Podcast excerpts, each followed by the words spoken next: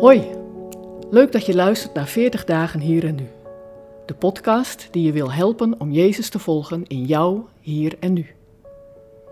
Vandaag is het 14 april en het is in de christelijke traditie Witte Donderdag. Jezus gedenkt met zijn leerlingen de uittocht uit Egypte met het Pesachmaal. Nanda laat zien dat dit moment een cruciaal moment is voor hem en voor ons.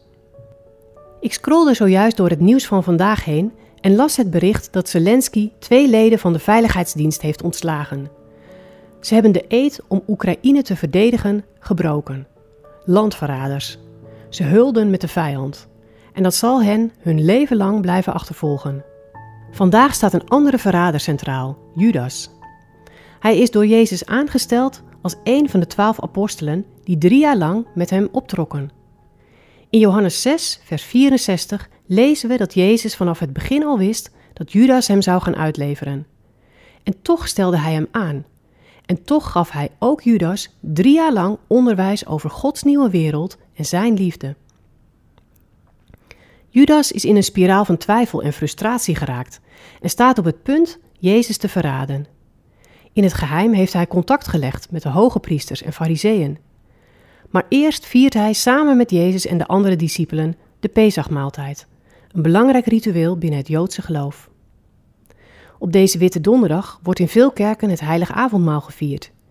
Jezus gaf met nieuwe woorden een nieuwe betekenis aan het eeuwenoude Joodse ritueel.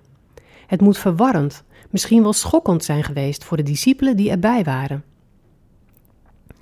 Ook voor de lezer van de tekst gebeurt er iets schokkends. In deze tekst uit het Bijbelboek Johannes lijkt het erop dat de meeste discipelen het niet eens hebben opgemerkt. Een onderonsje tussen Petrus, Johannes en Jezus, waarin Jezus Judas aanwijst als degene die hem zal verraden.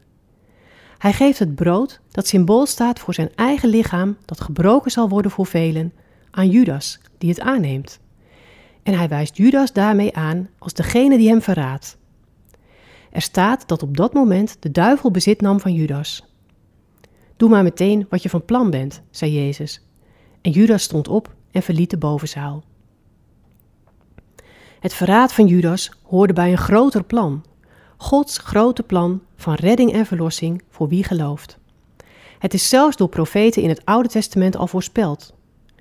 Judas speelde hierin de rol van de verrader, maar heeft ook een eigen keuze gehad. Hij koos voor het kwaad en dat liep slecht voor hem af. Je kunt erover lezen in Matthäus 27.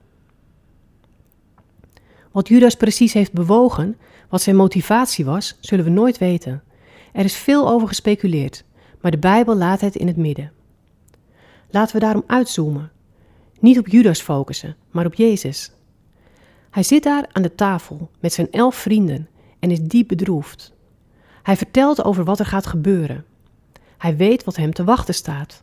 Het lijden dat voor hem ligt en dat drukt zwaarder op hem dan het verraad door Judas.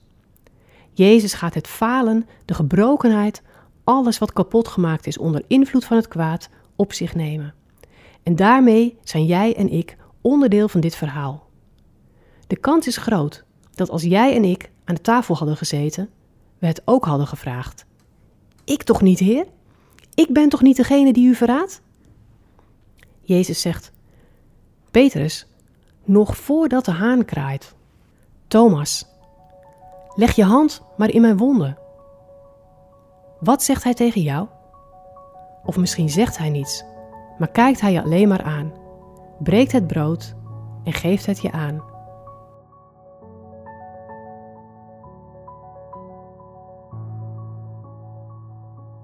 Wil je meer weten over deze podcastserie? Ga dan naar 40dagenhierennu.nl.